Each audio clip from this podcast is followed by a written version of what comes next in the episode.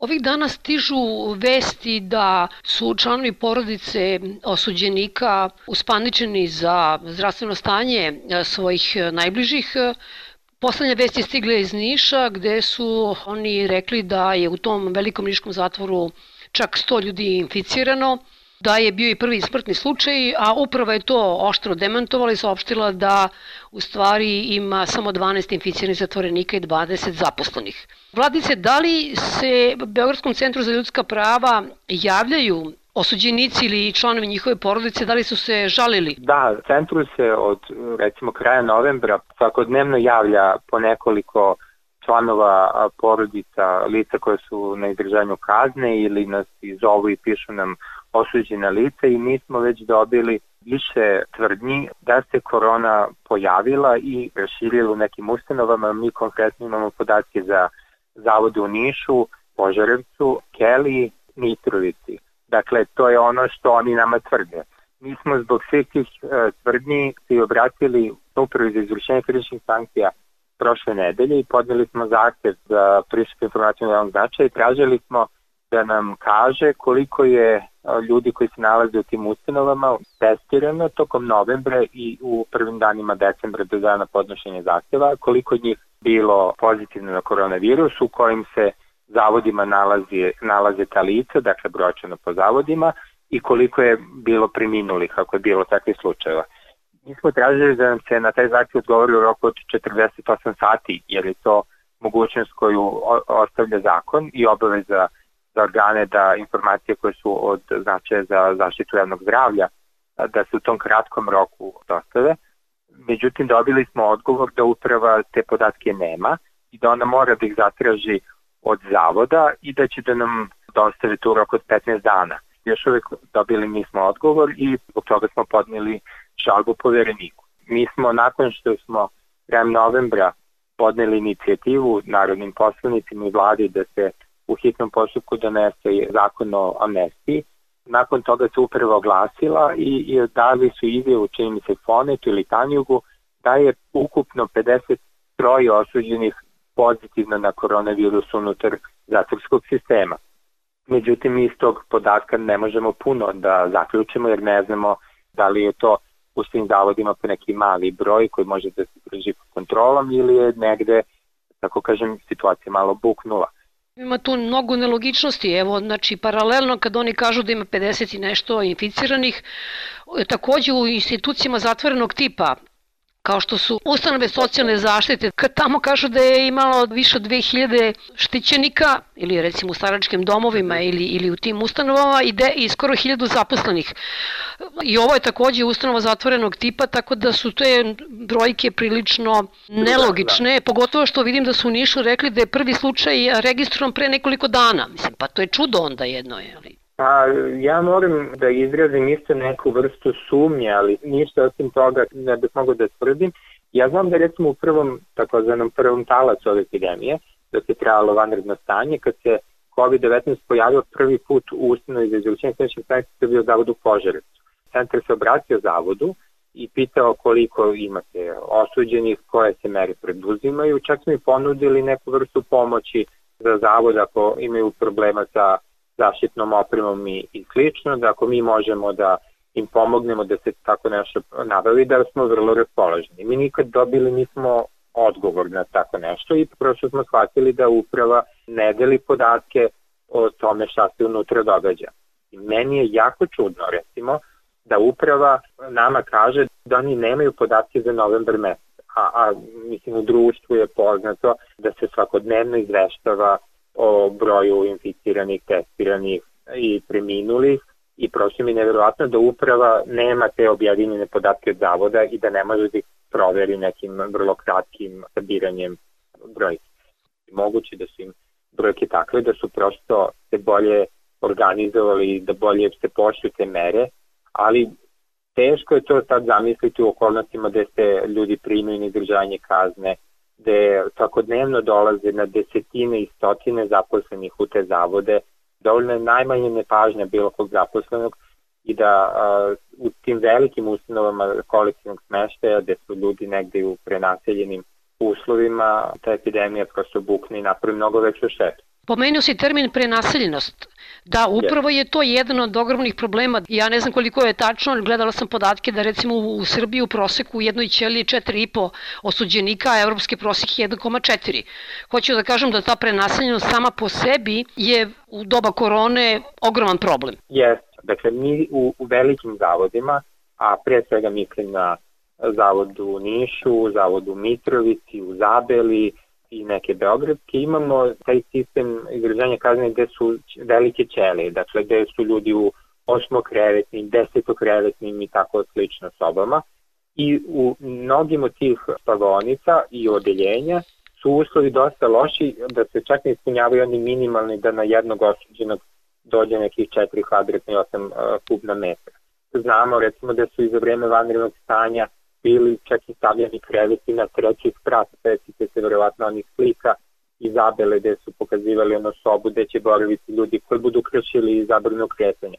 Dakle, ta prenasiljenost je hronični problem u našim ustanovama. Mi nemamo ravnomernu prenasiljenost, dakle nisu svi zavodi prenasiljeni, ima zavoda koji nisu ni popunjeni, ima recimo malih tih okruženih zatvora i mi smo zato i računali na tu okolnost da za vreme ove stvarno krize, da bi trebalo da uprava iskoristi te kapacitete u tim ustanovama gde prenaseljenosti nema, da se nekom amnestijom koja bi stvarno bila minimalna, zavodi rasterete za još između 1000 i 1000 i po 2000 mesta i da se onda ti ljudi malo bolje rasporede, da ih bude manje u sobi, da se prosto rizik od infekcije do nekle smanji. U tim uslovima da je, da je 10 ljudi u sobi, dovoljno da jedan unese to i dok uh, nekoliko dana prođe, dok on razvije prve simptome, vi već može da se računa da se može cela soba zarazila, a onda njih 10 još drugi s kojima su ovi u kontaktu na bloku i tako dalje. Mislim, to je jedan začarani krug. Prenasiljenost je jedan samo od problema. Tu postoji problem loših materijalnih uslova uopšte. Recimo, uslovi za držanje higijene su nekim od tih zavoda dosta loši i mi se zato i bojimo. Nisu čak ni samo zatvorske ustanove, da se ne bude da smo samo zatvore uhvatili da kritikujemo. Bilo je loše stanje i zarevano stanje u nekim centrima za azil. Ja, sam pročitao izvešta NPM-a o posjeti mislim o Brenovcu, Jadeševcima, tamo su isto ljudi bili u, u izuzetno, izuzetno lošim uslovima smeštaja. Sad imamo već drugi talas koji je bio očekivan, ili treći koji je već, koji je bio očekivan sad na doba godine u kojem smo i mislim da je država morala da sad bude mnogo pripremljenije na što je bila u martu i aprilu. Još samo da preciziramo ovu vašu inicijativu koju ste podneli poslanicima i vladi, dakle da se donese zakon o amnestiji u okviru borbe protiv e, pandemije. Ukratko, šta ste predložili, da li vam je neko uopšte odgovorio na to? Nažalost nije. To je sad pokazatelj jednog trenda da se na inicijative i predloge koje dolaze iz civilnog društva brzo reakcije povara. Dakle, mi smo svim poslanicima i vladi podneli inicijativu ukazali smo na to da se nama javlja veliki broj osuđenih i člana njihovih porodica, ukazali smo na stanje koje se tiče prenasiljenosti i predložili smo samo dali jednu od mogućih uh, ideja, odnosno od mogućih rješenja, kako bi taj zakon amnesti mogao da izgleda. Mi smo recimo predložili da to budu neke vrste skraćenja kazni, dakle da se za lice koje se nalazi na izdržanju kazne, kazna će mi isteći tokom praktično vizijskih meseci, to izdržanje kazne skrati, dakle da se u zavisnosti toga kolika im je bila kazna, da se skrati za mesec, dva ili tri.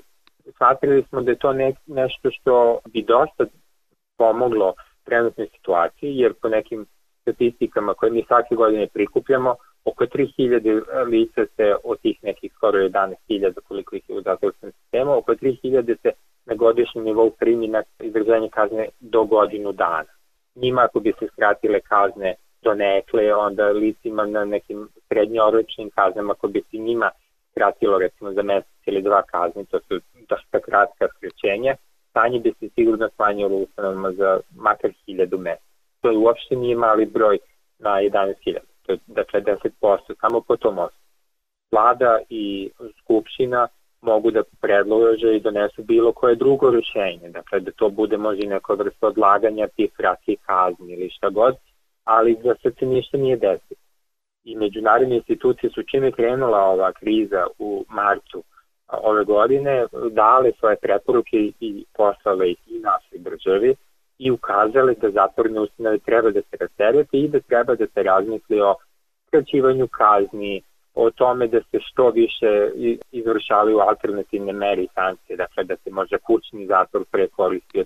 Tad je bilo najava da će, i to od predsjednika Republike, da će biti donet zakon o nesti nakon ukidanja vanrednog stanja, što je bilo nelogično. Dakle, taj zakon iz nekih epidemioloških i zdravstvenih razloga trebalo da bude pre početka ili pri početku epidemije, dakle iz ovih razloga da se ustane malo resteret nakon vanrednog stanja i nakon ove trenutne krize vlada i skupštine će uvek moći da predloži donesu zakon amnestije, ali on neće imati kasnije taj racio koji bi sad imao i taj značaj koji, koji sad može da ima.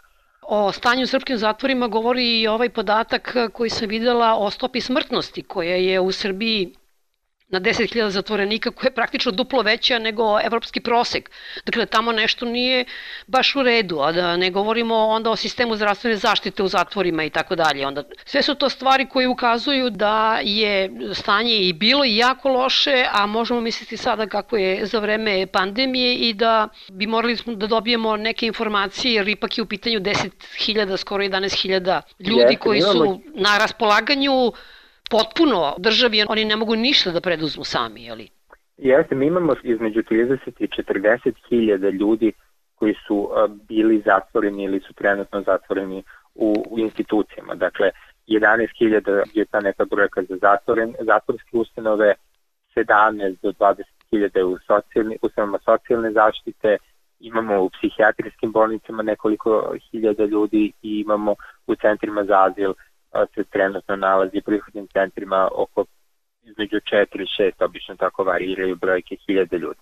Dakle, to je jedan grad koji je u rukama državnih organa neposredno i države i stanje u tim zatvorskim ustanovama posebno teško ovim velikim zavodima. Ovi mali A izvini, kad kažeš veći, da li govorimo o hiljadu zatvorenika recimo u Nišu? O kom broju govorimo? Niš, ako se ja dobro sećam, je imao pre godine i po dana nekih 1600 osuđenih. U Mitrovici je recimo dugo već preko 2000 osuđenih bilo, a kapacitet je nešto tako oko 1000 i po 1700 maksimalno. Specijalna zatvorska bolnica isto ovaj, bila dosta opterećena, tamo su i po tvrdnjama osoblja od prošle godine, ja sam bio tamo prošle jeseni, kažu ti zaposleni da 40 do 50% tih ljudi treba, može da se pusti na, iz ustanove, da oni nisu za tu ustanovu, ali da tu se nalaze zbog toga što praktično ili nemaju gde da ih zbrinu ili zato što se u sudskim postupcima sud uslovio njihovo puštenje prihvatom u zajednici, a mnogi od njih nemaju prihvat u zajednici koji bi im bio potreban.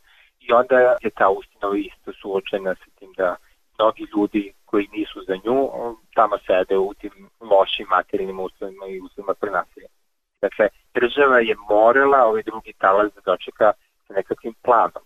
Da ne dočekamo evo sad sredinu decembra, da u Mitrovici, Nišu, u nekim socijalnim ustanovama dobijemo informacije da njih je po 10 u sobama, da se proširila infekcija, sad od nekih smo ljudi dobili da nemaju nigde da ih stave. Mi ne znamo da li je to tačno, upravo je da. dosta zatvorena, ali bi neko iz uprave mora da izađe sa nekim detaljnim informacijama i da umiri makar članove porodica tih ljudi da kaže stanje je dobro i tako, i tako mi sprovodimo mere. Da se vratim na sam početak kada si rekao da ste vi kao Beogradski centar za ljudska prava nudili pomoć upravi za izdržavanje zatvorskih kazni i da oni nisu prihvatili, da vam nisu odgovorili. Pa to je jako čudno. Pa i nas je to iznenadilo, da nismo dobili baš nikakav odgovor. Ne verujem da je trenutno problem zaštitne opreme, to je rešeno, ali e, mislim da sad upravo ima problem koji ne može ni sama da reši u ovim situacijama i da je zato bi ta amnestija koja bi podrazumevala neko ad hoc rešenje, ali bi bilo neko rešenje, bila potrebna da se prosto prenasiljeni delovi u ustanovama rasterete do nekada. U svakom slučaju mi ćemo sačekati da vidimo šta će zatvorska uprava da nam javi. Možda ove porodice imaju loše informacije da to nije tako baš kao što oni tvrde, ali kao što vi malo prije rekao ste, prosto je čudno da u jednom sistemu koji isto bio jako zatvoren, gde postoji recimo za 7-8 hiljada ljudi više, mislim da sve socijalne zaštite, budu tako drastično veći brojke do ovog zatvornog od ovog drugog zatvornog sistema, mislim na zatvorski. Ali nije nemoguće, ali ajde da sačekamo odgovor pa da, da Ako ga uopšte dobijete ikada? Pa vidite, i to je sad isto jedan problem. Recimo, kad poverenik naloži da vam neki organ dostavi odluku, vi praktično nemate ništa od toga i onda i kad se traži od poverenika izvršenje rešenja, poverenik to ne može da sprovede zato što nema neku tamo osnovicu za obračun nekih novčanih kazni i tako dalje i onda se to opet svede na to da to ostaje od dobre volje organa da li će da vam informaciju da ili ne. Da, da, pa dobro, to je problem naravno za organizacije civilnog društva, kako je tek za rodbinu tih ljudi koji su zatvoreni ne samo u zatvorima, nego i u ovim institucijama koje si ti govorio, to je... Jeste, ovde, ovde je vrlo značajna uloga, recimo, sudija za izvršenje krivičnih sankcija i oni imaju mandat da obilaze zavode i da prate kakve su uslovi za izgrađanje kazne. To su sudije koje postoje pri višim sudovima i oni bi trebalo da u ovoj istoj situaciji odigraju svoju ulogu ali mi ne znamo ni šta su oni radili. Inače je praksa tih sudija dosta bila dosta onako mala, naravno ne svi, ali veliki deo njih, ali kažem i oni imaju jedan deo svoje dužnosti u ovoj priči.